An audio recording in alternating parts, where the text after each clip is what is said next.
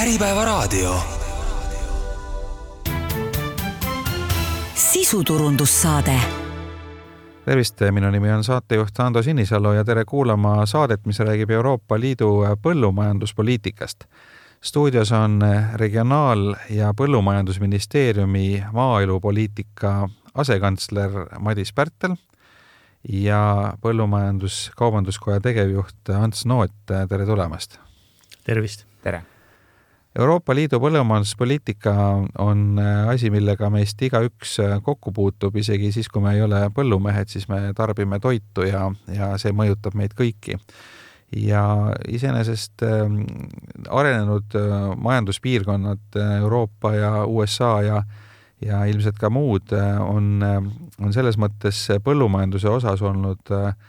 võib-olla mitte nii avatud vabakaubandusele kui, kui muudes valdkondades, et äh, põllumajandus on äh, strateegiliselt oluline valdkond ja seega need äh, majanduspiirkonnad kaitsevad oma tootjaid ja samamoodi ka Euroopa Liit. ja pärast teist maailmasõda, kui Euroopa Liit loodi, siis põllumajanduspoliitika ja Euroopa Liidu toidutootjate kaitse ja neile sissetuleku, elamisväärse sissetuleku tagamine oli oluline asi ja sellest on nüüd äh, omajagu aega möödas ja, ja selle nii-öelda vilju me kõik äh, maitseme, sööme Euroopas toodetud toitu, et äh, kuidas nüüd tagasivaates see poliitika ennast õigustanud, et, et ka, kas see, et, et nagu kaitsta regiooni toidutootjaid, sest tegelikult jällegi paljud, kes analüüsivad näiteks majanduslikult mahajäänud piirkondi Aafrikas või Aasias, süüdistavad just rikaste regioonide protektsionismi selles, et sealt äh, ei ole võimalik tuua odavat toitu ja sealsete riikide põllumeestele äh, paremaid tasusid maksta. et kuidas, kuidas te hindate seda, et, et kuidas see selline Euroopa Liidu ühtne põllumajanduspoliitika ja toidutootjate kaitsmine on, on tänaseks ennast õigustanud? väga selline üldine küsimus, aga, aga avaldage palun oma arvamust. Ants, äkki alustame teist? jaa, aitäh, see oli tõesti üks väga hea küsimus, et äh, siin võiks vastata kohe mitu tundi aga, aga, aga ma arvan, et lühidalt vastates äh, on õigustanud ja, ja tegelikult äh, noh, nagu siin juba ka mainitud sai, et, et, et see vajadus ju äh, tekkis peale teist maailmasõda, kui tõepoolest oli tegemist probleemiga inimeste toiduga varustamises. ja, ja see on, see on see peamine eesmärk tegelikult ühisel põllumajanduspoliitikal, et Euroopa Liidu inimestel oleks omamoist kvaliteetset tohutut toitu saada ja et nüüd seda kindlustada, et siis sinna tulevad siis äh, need reaalsed poliitika instrumendid, mis tegelikult tagavad siis põllumajandustootjatele, äh, ettevõtjatele, kes siis toidu tootmisega tegelevad äh, ühes või teises valdkonnas, tagavad nii-öelda siis niisugused mõistlikud sissetulekud ühest küljest, noh, mõistlikud ka turutingimused ja, ja võimaldavad siis tegelikult noh, ma ütleks, et noh, sellisel tavapärasest võib-olla keerukamal ettevõtlusvaldkonnal tegutseda, nagu seda toidutootmine on. et, et, et noh, tegelikult seda omal ajal silmas peeti, et, et, et seal on hästi suur faktor on ju eh, ilmastikul, loodusel, noh, täna ka juba laiemas mõttes kõik need kliimamuutused, eks. et, et, et see saak ei pruugi olla sulle garanteeritud igal ajahetkel ja, ja, ja sellepärast on siis sellist äh, eraldiseisvat eh, ühist poliitikat vaja oma mitmepalgeliste meetmete portfelliga nii-öelda. ja, ja teine asi eh, on siis see, et, eh, et, et, et noh, kõiki toiduaineid ei ole võimalik ka siis nii-öelda väga kiiresti asendada, et, et kui sul näiteks kari hukkub, noh, kus toodetakse siis piima või midagi muud, et, et selle taastamine noh, võtab aastaid ja ja aastaid, et, et noh, sellise jätkusuutlikkuse tagamiseks ja noh, edaspidi muidugi see poliitika on nagu oluliselt ka muutunud, et et noh, et üks on siis need sissetulekud, millega tegeleb siis nii-öelda see ühise põllumajanduspoliitika nii-öelda see esimene sammas, ma ei tea, kas teda enam nimetatakse niimoodi, on siis need sissetulekutoetused EAGGF-ist, et, et siis teine pool on ikkagi ka see nii-öelda see keskkond ja elukeskkond tegelikult maapiirkondades tervikuna, et, et tegelikult need põllumehed siis ei, ei oleks seal mitte üksi ja tunneksid ennast seal maapiirkondades turvaliselt et oleks äh, keskkond kaitstud ka, et see põllumajandustootmine oleks siis selline äh, keskkonda võimalikult vähem kahjustav, noh, täna räägitakse juba sellest, et pigem ka niisugune taastav põllumajandus, et, et ta nagu ka taastaks ja, ja võib-olla tõstaks seda keskkonna kvaliteeti veelgi. ja, ja noh, üldine niisugune maapiirkondade areng ka, et äh, kohalikud äh, kogukonnad, noh, põllumajandust toetavad ettevõtted, põllumajandusega on seotud väga palju teisi majandusvaldkondasid, on need siis sisendite müüjad või on siis ka need, kes siis neid tooteid nii-öelda ümber töötlevad, sest noh, otse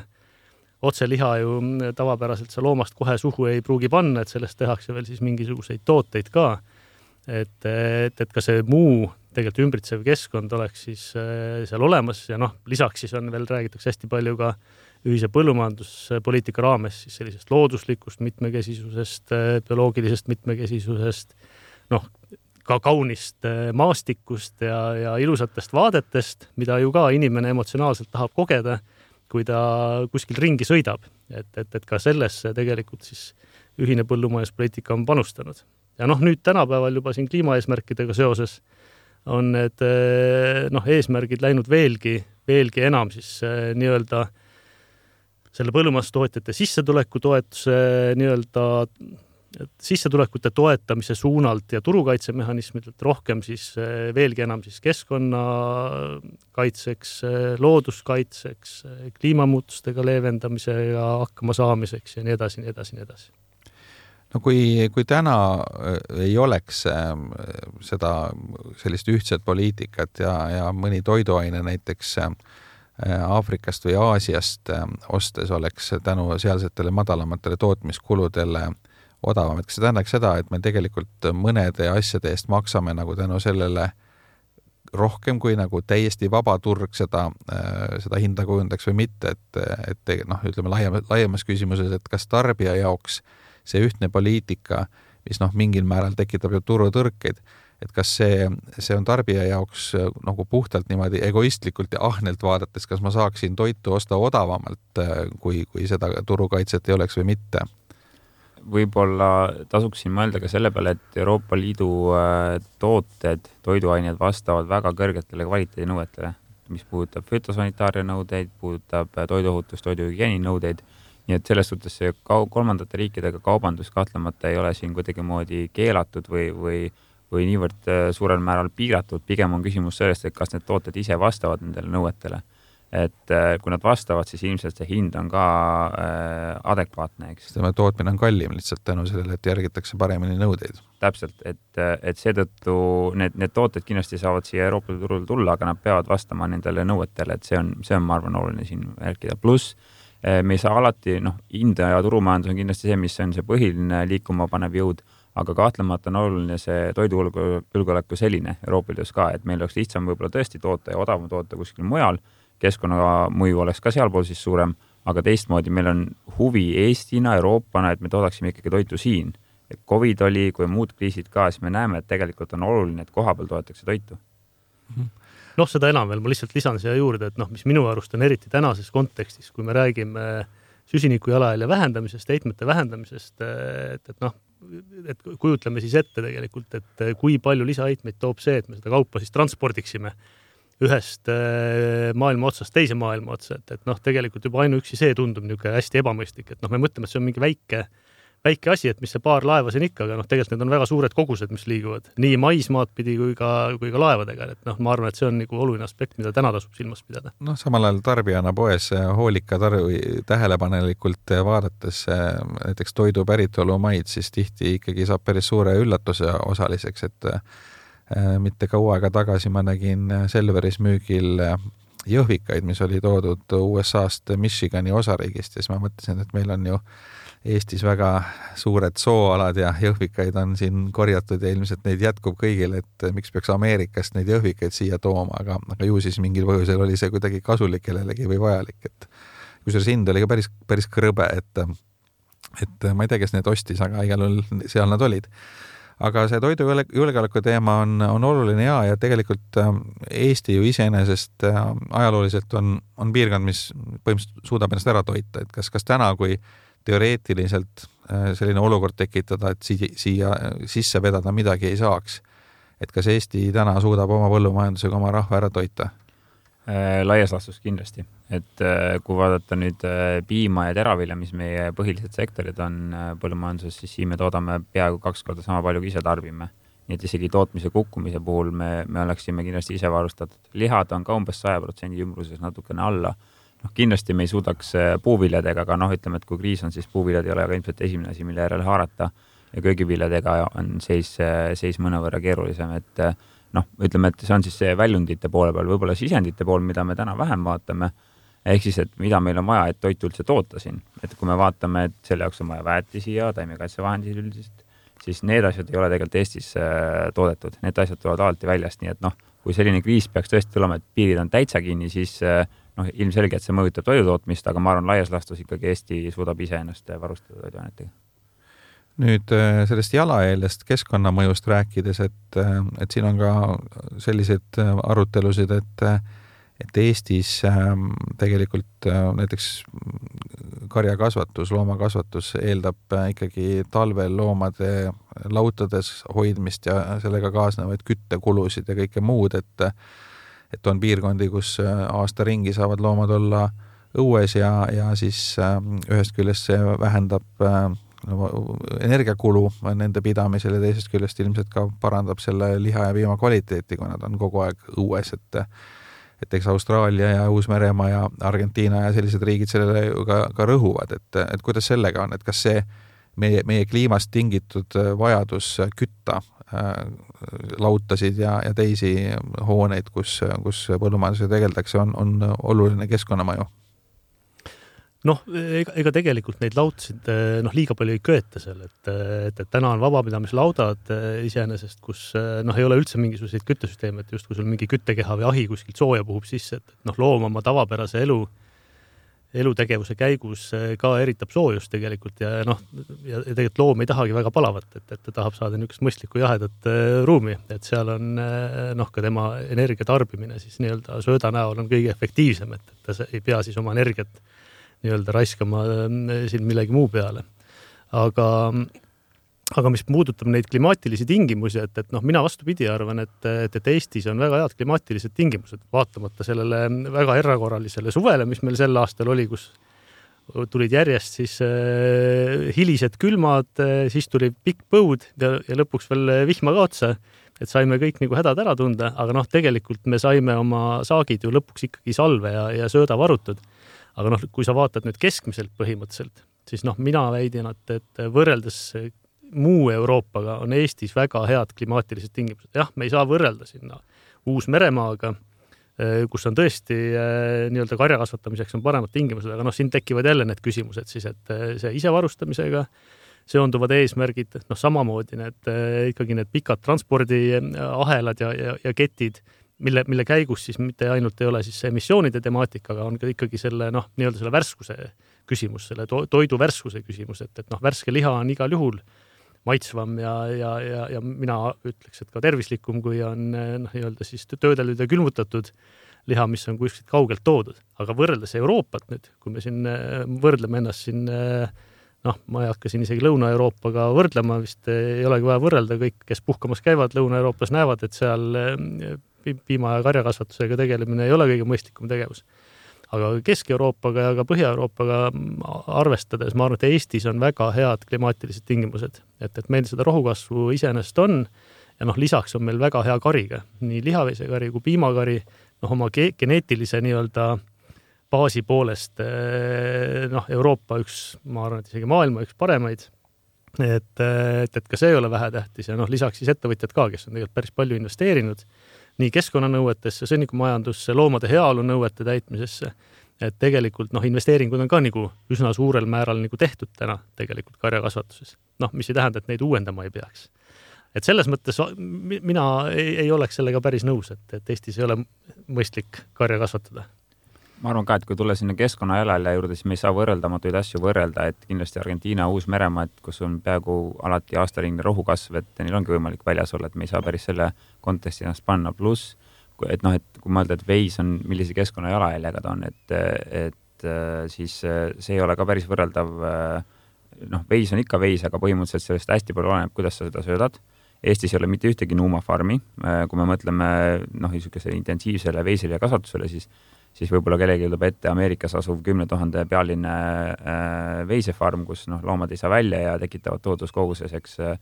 metaani, siis ja mõelda selle peale, et kus meie veisekasvatus enamasti on noh, kuskil saarte peal Lääne-Eestis maadel, kus muidu teravilja kasvatada ei saaks, kes muidu võsastuks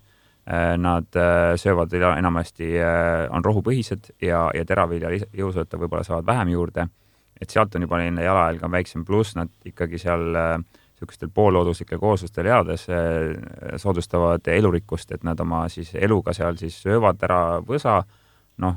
ikka äh, elu, elutegevuse käigus tekib sõnnikut, ühesõnaga nad soodustavad seda liigirikkust, et ma arvan, et siin, siin peab vaatama juba konkreetsemalt, et ei saa päris öelda nii, et loomaliha ja, ja selle tootmine on justkui ainult halb keskkonnale. no te enne ütlesite, et Eestis on väga kõrge kvaliteediga kari, et kas see tähendab seda, et me saame äh, piima ja liha eest ka kõrgemat hinda küsida, et see kvaliteet on kõrgem? et kas see, et meil on nii-öelda geneetiliselt hea äh, kari, et, et kas see kuidagi kajastub kuskil hinnakujunduses ka? või on selle võimalik brändida kuidagi, et Eesti veis on nagu kallim kui ma ei tea, mõne teise riigi veis? noh, hind on lõpuks kujuneb ju ikkagi seal turul nii-öelda, et, et poes, et, et eks ta mingi lisaargument ju äh, võiks olla, aga aga noh, üldiselt ma arvan, et sellised äh, toidukaubad, noh nagu piim ja linnapiimatooted, et, et noh, nad on, nad ongi pigem niisuguse piirkondliku äh, piirkondliku fookusega pigem erinevates riikides, et ja, ja tarbija noh, ikkagi parema meelega ostab seda oma maist iseenesest. kuigi see võib olla isegi natukene kallim, kui võib-olla siit kuskilt äh, sisse toodud. noh, mis puudutab juustu, noh siis juust on pikema säilivusajaga ja noh, seda on nagu lihtsam, lihtsam siis nii-öelda veeretada ühest piirkonnast teise. Ja noh, seal sellel turul on väga selgelt ka noh, nii-öelda siis see commodity turg, kus on noh, väga selgelt on börsikaup ikkagi ja, ja piltlikult öeldes seal need hinnad kindlaks määratakse, et, et, et seal väga palju noh, ei, ei loe täna see, et, et, et, et, et sul on kari just selline ja ja, ja see tööstus on see, selline, et, et noh, seal on oma kindlad parameetrid, millele siis need juustud nii-öelda vastama peavad ja kui ta sellele vastab, siis noh, siis ta on nagu juba kauplemiskõlbulik, eks mm. -hmm. Madis? et ma võib-olla lisaks selle juurde jah, et, et täna Eesti karjad on kindlasti väga suured, efektiivsed, nad suudavad äh, toota Euroopas praktiliselt kõige rohkem piima ühe lehma kohta, me oleme esimesel-teisel kohal Taaniga. et, et seal meil on kindlasti nagu areng olnud äh, tohutult suur, eks. ja nüüd eraldi küsimus on see, et kas nad siis saavad selle eest ka paremat hinda turul. noh, praegu näitab igal olukord, et ei saa, et äh, isegi kui nad teevad selle pingutuse äh, ütleme, et oma esmatootmistasandil siis eh, keskkonna jalajälge vähendavad, siis noh, tarbija täna, noh, minu väide on see, et ta ei ole veel nõus maksma kõrgemat hinda selle eest. et ta võib-olla saab pangalt parema intressi äh, oma laenule äh, seetõttu, et tal on keskkonna, ma ei tea, põhimõtted äh, oma, oma ettevõttes rakendatud, aga see, et ta turult tooks parema hinna, et minu, minu väide on see, et ta täna veel päris seda kätte ei saa, et ühiskond ise ei ole veel valmis maksma rohkem no siin on näiteid äh, mujalt maailmast, kus äh, mulle meenub, noh näiteks Norra lõhe vist on üks näide, et, et see, et ta on nagu Norras kasvatatud, äh, on ära mainitud pakenditel ja siis tarbija justkui väärtustaks seda rohkem ja Mehhiko avokaadod on üks väga tuntud äh, lugu, kuidas just päritolumaa tõttu nagu jäetakse tarbijale mulje, et see võib-olla on ka objektiivselt parem, aga vähemalt ta nagu on, on natuke nagu ära bränditud. et, et neid näiteid on, et aga, aga, aga ilmselt võib-olla see on üks kasutamata võimalus veel. ei, igati nõus ja, ja ma arvan, et see ongi üks kasutamata võimalus. vaatamata sellele, et noh, mis siin need võimalikud komistuskivid on need, et Eesti on lihtsalt väike, on ju. et mhm. isegi kui me räägime, et me siin täna toodame kaks korda rohkem piima, kui me ise tarbime, et noh, siis Hollandis toodetakse kakskümmend korda nii palju piima, kui Eestis toodetakse. et, et, et noh, selles mõttes need proportsioonid on hästi erinevad ja noh, seda tavaliselt seda turundust ja brändimist noh, tehaksegi eelkõige siis äh, sihtides eksportturge et, et noh, meil ikkagi oma kogused kipuvad natukene väikseks jääma selleks, et me saaksime niisugust tõsist äh, eksportturgude hõlvamist teha. aga ma olen nõus, et, et, et siin, et see on üks valdkond, kuhu saaks rohkem panustada ja teised riigid panustavad sinna väga suurel määral iseenesest, et läbi tootjaorganisatsioonide, läbi erinevate turustustegevuste, et, et, et noh, siin on nii meie ettevõtjatel kui riigil kindlasti veel palju ära teha mm. -hmm. mina ütleks, et see on meie valdkonna kõige suurem väljakutse et minu meelest selle kahekümne aastaga, kui me oleme Euroopa Liidus olnud, oleme tõestanud, et me suudame väga hästi toota toitu, oleme efektiivsed, aga see, et kuidas saada turul sellest paremat hinda, kuidas tekitada talle lisandväärtust lisaks selle esmatootmisele, vot see on meie üks suuremaid kitsaskohti. No Euroopa Liidu äh, poliitikatega seoses, äh, vähemalt põllumajandust puudutavatega seoses on olnud äh, pikalt juttu sellest, et vana, vana Euroopa Liitu, vana, vanadel liikmesriikidel on olnud paremad tingimused kui uutel ja, ja siin Ida- ja Kesk-Euroopa riigid on, on seda ka äh, korduvalt tõstatanud, eks ole, et, et miks, miks Poola ja, ja, ja ka Baltikumi riikidel on, on siis kehvemad tingimused kui Hispaanial või Prantsusmaal, et kuidas sellega täna on, et kas need tingimused on ühtlustunud, et alguses need, need olid natuke meie kahjuks, aga kuidas seis praegu on? Äh, no ilmselt käib jutt siis äh, toetustest, et äh, et jah, et Euroopa Liidus on selline süsteem, et toidutootmist toetatakse suuresti. see siis tagaks sissetuleku, nagu Ants varem juba rääkis. et jah, tõsi ta on, meie toetustasemed on madalamad kui võib-olla vanal Euroopal. kõik, kes pärast kahte tuhat neljandat aastat liitusid, et nende need mahud fikseeriti ja sellest tulenevalt tekkis sinna ebavõrdsus sisse. kuna noh, see põllumajandus on osa nagu suuremast Euroopa Liidu poliitikast, siis paljude vanade riikide jaoks ikkagi põllumajanduspoliitika oli see koht, kus nad said siis eelarvevahendid tagasi, kui nad võib-olla panustasid rohkem teistes rubriikides, siis põllumajandus saadi tagasi, et seetõttu ei olnud ka varmad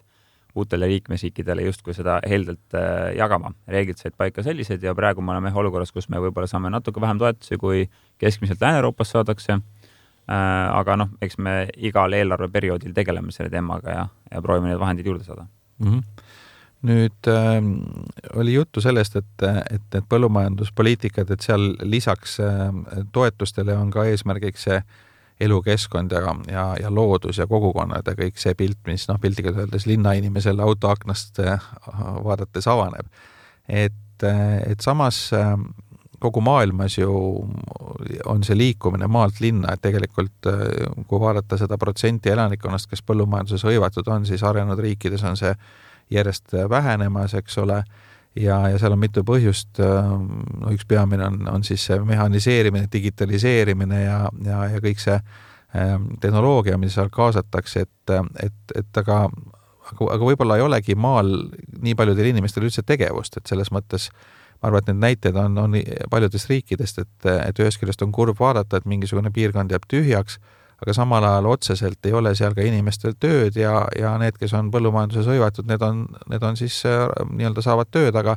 aga teised äh, peavad minema linna, sest seal on lihtsalt äh, rohkem tööd ja, ja, ja, ja võimalusi, et, et kas see on nagu mingil määral selline paratamatusega võitlemine ei ole või kuidas, kuidas sellesse nii-öelda väljakutsesse suhtuda? Eks see, see kogu linnastumise küsimus on kindlasti üks suur nurjatu probleem, et väga kompleksne, eh, põllumajandusel on siin oma roll mängida, aga ma arvan, et see on üsna väike kild sellest kogu suurest pusletükist, et et eh, ühe asja võib-olla ütlema ka, et, et, et ega, ega maaelu ei võrdu põllumajandus juba ammu enam ei võrdu, kui, kui me taas iseseisvusime, siis oli tõesti need viiskümmend protsenti eh, maaelanikest tegeles metsanduse ja põllumajandusega, täna on see julgelt alla kümne ehk siis, et eh, noh, täna maal inimesed ei tegele põllumajandusega, et eh, ja tõsi ta on, meie farmid on suured, efektiivsed, see on tähendanud kontsentreerumist, vähemate inimeste tööle asumist põllumajanduses ei ole lihtsalt vaja, eks. et mõnes mõttes on see paratamatu, aga eks me muidugi proovime, kuna nüüd me tegeleme, meie ministeerium tegeleb hästi palju ka regionaalvaldkonnaga ja ka varasemalt tegelesime et äh, proovida soosida just seda kogukondlikku lähenemist, et need inimesed, kes meil täna maal on, et neil oleksid äh, nii töökohti, neil oleks ka väljund sellise kogukondliku liikumise näol, et oma, oma kogukonda panustada, äh, teha ühisüritusi, teha kohti, kus kokku saada, tähistada ja niimoodi. et selles suhtes me kindlasti on nii pehmemaid kui ka siukseid kõvemaid meetmeid, mida, mida riik proovib siis äh, rakendada ja aidata omalt poolt võib-olla lihtsalt lisaks veel eh, seda, et, et noh, mina ausalt öeldes noh, ei, ei, ei tahaks, noh, mis minu tahtmine siin loeb muidugi, aga ei tahaks vähemalt inimesena, kodanikuna, ma ei tahaks, et oleks selline Eesti, kus on ainult suured linnad ja ja, ja, ja linnadest väljaspool ei ole siis muud kui noh, mõned põllulapid siis ja, ja mets on ju, ja, ja üldse mingisugust muud elu seal ei oleks, et siis on mingid suured teed on nende linnade vahel ja, ja, ja, ja muud ei olekski, et et noh, tegelikult mulle täna tundub, et ka noh, on mingisugune muutus toimunud, eh, noh, ma näen seda igapäevaselt, eh, kui maapiirkondades ka käia, et tegelikult teatud põlvkondade vahetus on seal ikkagi toimumas, et oma need noh, need vanavanemate talud ja vanad elumajad, et väga palju on neid, mida täna korrastatakse ja tehakse korda ja inimesed hea meelega tegelikult lähevad maale elama ja miks nad sinna tahavad minna, et noh, mulle tundub, et inimesed üha rohkem väärtustavad ikkagi seda puhast loodust, seda puhast õhku, seda ilusat äh, nii-öelda keskkonda enda ümber. Ja, ja, ja täna noh, ei, ei ole küll nii, et kõik tahaksid nagu linnas elada. ja, ja noh, et põllumajandus on küll üks oluline tööandja maapiirkondades, aga noh, tegelikult seal on ju palju teisi ettevõtteid et äh, metsandusega tegelevad ettevõtjad, noh siis need kaasnevad äh, teenused kõik, mis seal on, noh, mis on nende majandustega seotud, aga noh, ka sotsiaalsed teenused, mida inimestel igapäevaselt vaja on, et, et ka need tegelikult äh, noh, seal maapiirkondades ikkagi täna on veel nagu olemas, on ju, et nad küll vähenevad, aga nad on seal olemas. ja noh, kui nüüd hakata mõtlema, et, et mis on need Eesti sellised noh, ressursid või, või nii-öelda varad, mille pinnalt me saaksime ühiskonda edendada ja arendada ja, ja rikkust luua ja inimestele äh, nii-öelda heaolu äh, luua, siis tegelikult on ju äh, eelkõige bioressursid, on äh, mets ja nii-öelda hea muld, kus on võimalik siis toitu toota ja, ja noh, siis on veel noh, põlevkivi, aga noh, põlevkivi, noh, me teame, et, et tänapäeval ei ole nagu väga hea, väga hea toon enam seda mm -hmm. kaevandada ja, ja põletada, et otsitakse uusi võimalusi ja, ja fosforit ka, on ju, mis on ka maavarana olemas, aga noh, mida me ka täna ju ei, ei väärinda kuidagimoodi, et noh, kui me saame midagi väärindada ja ja, ja nii-öelda lisandväärtust luua, siis need bioressursid tegelikult paljuski. ja noh, paljuski sa ei saa neid bioressursse väärindada linnas, on ju, et, et noh, paratamatult peab see jääma nagu äh, maale mm. -hmm kui me rääkisime enne sellest, et Eesti põllumajandus on hästi mehhaniseeritud, digitaliseeritud, isegi efektiivne, siis sinna kõrvale mahuvad ka väiketootjad sellised, äh, kes teevadki äh, oma väikeses majapidamises midagi nii-öelda käsitööga, äh, aga samal ajal tarbijad paljuski hindavad ka selliseid väiketootjate tehtud asju, aga neil on väga raske võistelda suurtootjatega nende toodete hinnakujunduses, kuna suurelt on odavam toota siis kuidas on praegu Euroopa Liidu poliitikad selles osas, et väiketootjaid kaitsta ja hoida, et mis, mis selles osas äh, toimub? no ma ei tea, ma nende meetmete koha pealt oskab Madis kindlasti rohkem rääkida, et noh, meil on ka eri äh, on äh, ju ÜPP-s ette nähtud, tegelikult on ju spetsiaalne erisissetulek ju väikestele põllumajandustootjatele, kes siis saavadki veel lisasissetuleku toetuse selle eest, et nad on väikesed nii-öelda aga Madis kindlasti oskab sellest nagu rohkem rääkida, aga mida ma ise nagu võib-olla äh, tahaks öelda siin on see, et äh, et, et, et, et, et ma usun, et äh, koht siin päikse all on ikkagi kõigil, et on nii suurematel ettevõtjatel kui ka väikestel põllumajandusettevõtjatel. Ja, ja, ja tegelikult äh, noh, nagu saatejuht siin ise ka ütles ka, et, et tegelikult ikkagi noh, tarbija otsib ka seda väike tootja toodet ja, ja otsib ka selle taluniku teinekord üles, et otse talust midagi osta.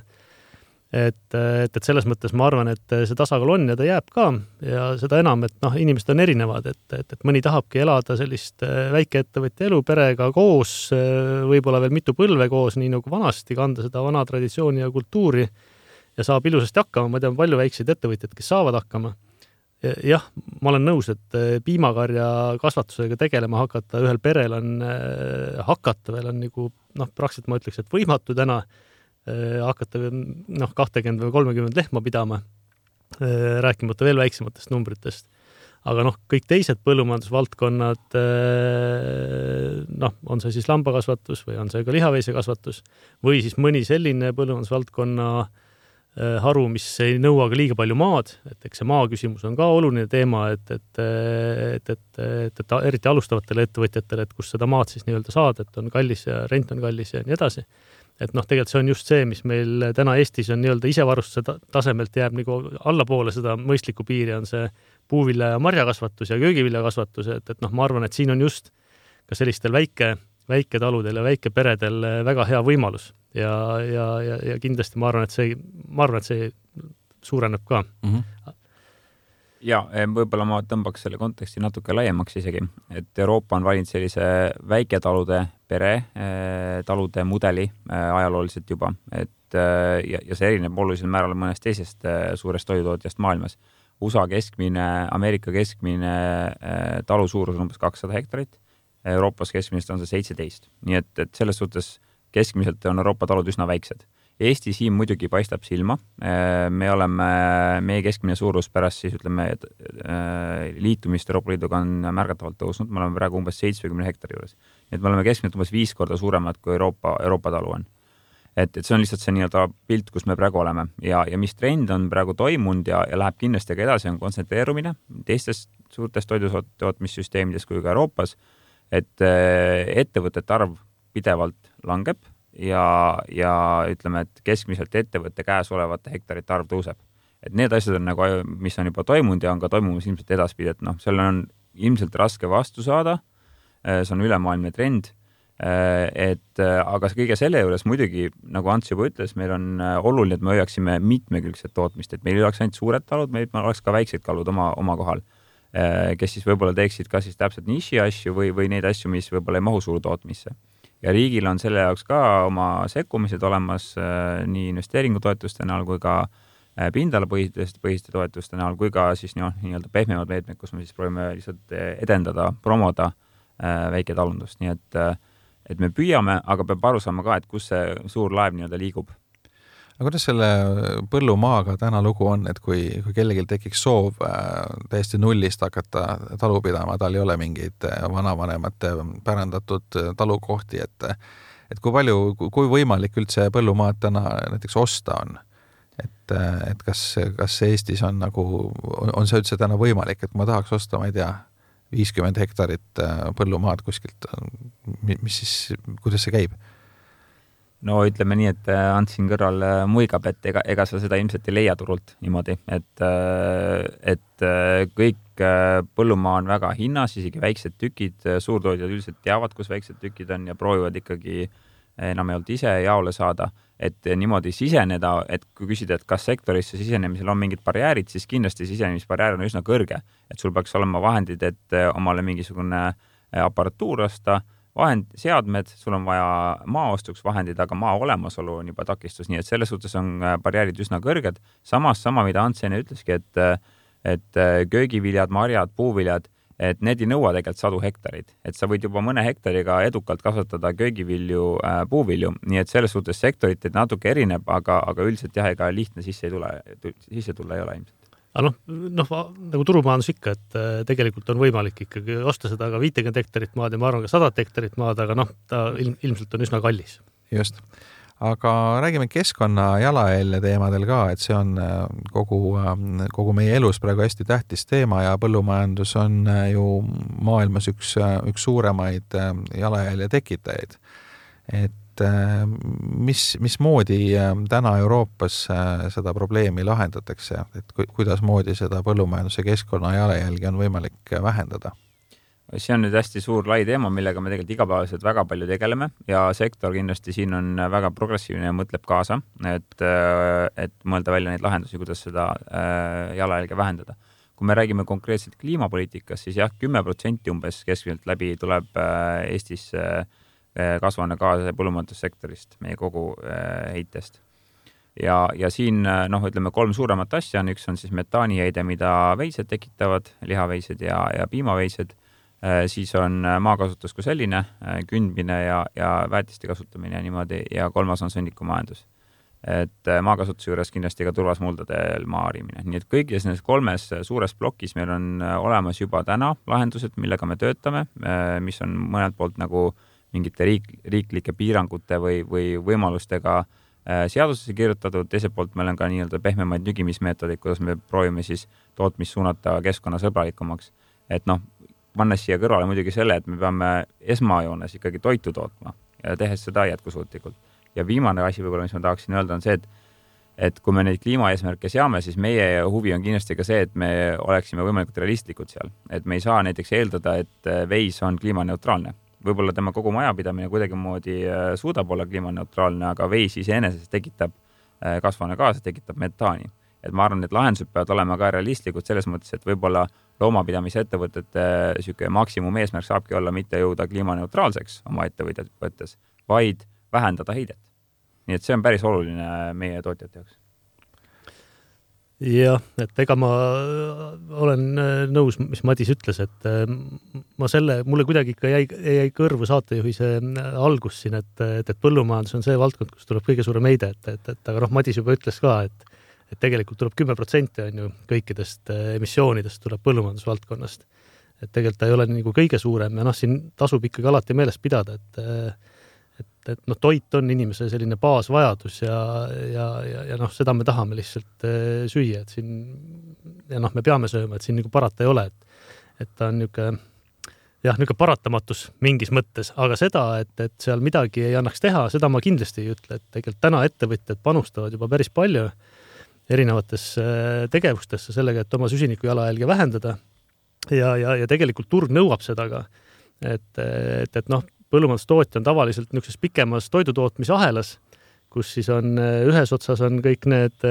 sisendite tarnijad ja teises otsas on siis see tööstustootja niimoodi vaates iseenesest, kes siis väärindab. Ja, ja, ja, ja täna on üsna noh, nii-öelda kõrged nõudmed siis ettevõtjate keskkonna jätkusuutliku tegevuse osas, et, et, et ka mitmed finantsasutused täna ikkagi eeldavad, et sa oma süsiniku jalajälge mõõdaksid ja seda vähendaksid, et sul oleksid vastavad programmid. Ja noh, ta tuleb igal juhul, tuleb ka lõpuks tootjani siis, et noh, suuremate tootjateni ta tuleb otse läbi finantssektori tegelikult, noh, tulevikus võib-olla ka kliimaseadus midagi meile ütleb ette, kus suunas ja, ja kui palju me midagi tegema peame, aga ta tuleb ka läbi selle tarneahela iseenesest, et, et, et ka tööstused oma tootjate käest, kus nemad siis oma sisendi saavad, et noh, eeldavad, et tootjad siis ka oma süsiniku jalajälge mõõdaksid ja seda vähendaksid, nii et noh, tegelikult see tegevus täna toimub ja, ja seal neid võimalikke meetmeid on hästi palju, et alustades tõesti sellistest täppis täppisviljeluse äh, nii-öelda siis äh, protsessidest, kus siis tõesti võimalikult vähe nii-öelda seda maad keeratakse, seda süsinikku sealt välja lastakse ja ja ka võimalikult äh, vähe,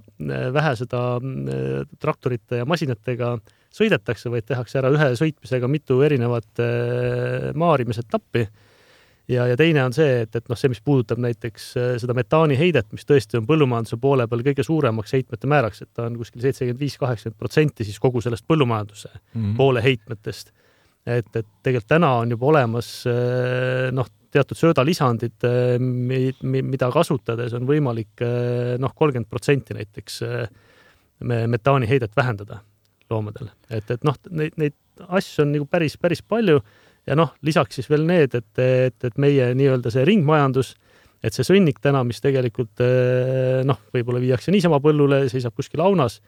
et, et täna on üsna palju, eh, väärindatakse mm, seda siis energiatootmissektoris, et eh, kõik need biogaasijaamad, mis tehtud on, biometaani tootmine, mida siis kasutatakse ka transpordis, mis tervikuna igal juhul kasvuhoonegaaside heidet vähendab kümneid kordi, kui mitte rohkem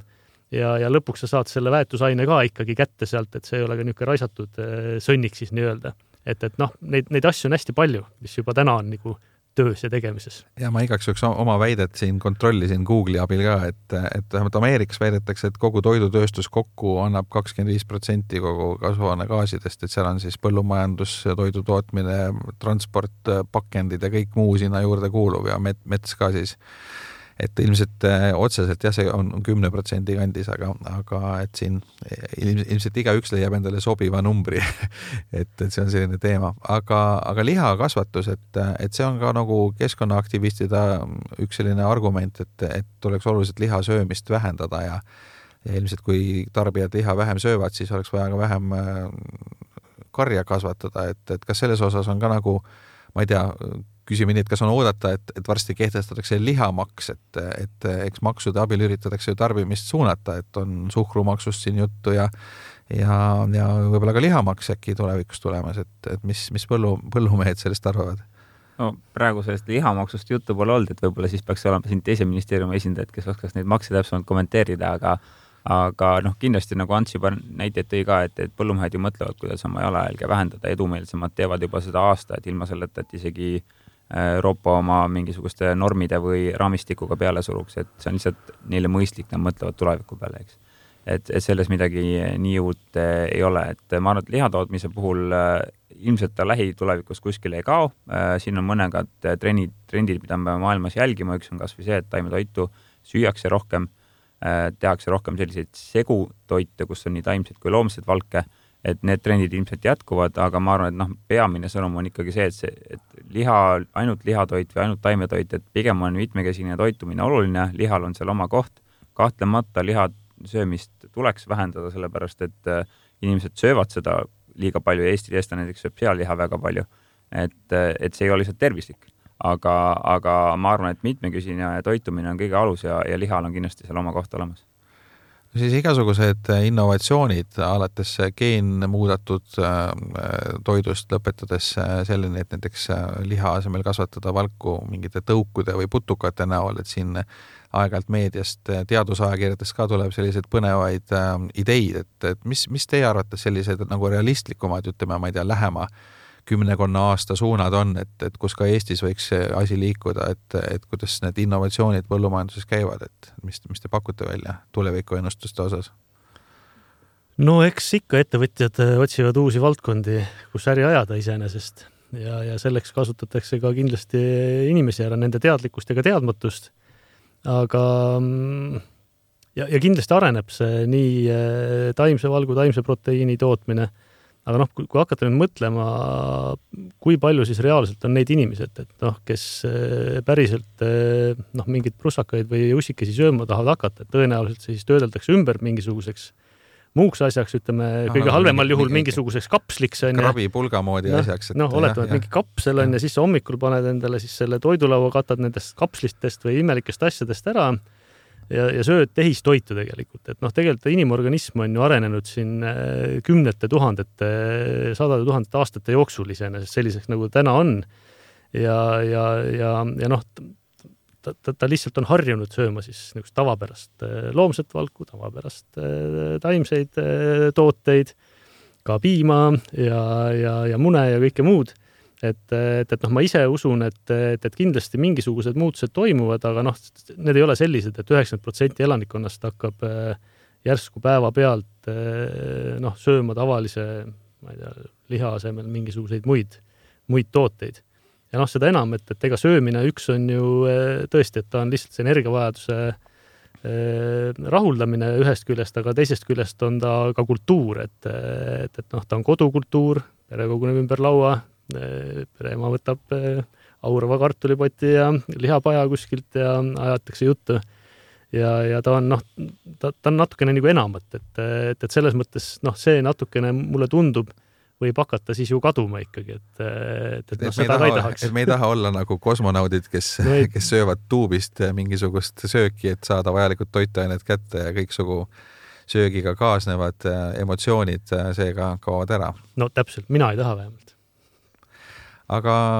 sellega on ähm, paslik lõpetada, et, et põhimõtteliselt põllumajanduses on küll innovatsiooni, aga, aga oma olemuslikult ikkagi inimesed tahavad ähm, sõprade ja pereringis äh, hästi ja tervislikult süüa ja, ja, ja see on see põhiasi, mille ümber ähm, see, see valdkond tegutseb. stuudios olid Ants Noot, Põllumajandus-Kaubanduskoja tegevjuht ja Madis Pärtel, regionaal- ja Põllumajandusministeeriumi asekantsler, mina olen saatejuht Ando Sinisalu ja aitäh kuulamast! aitäh!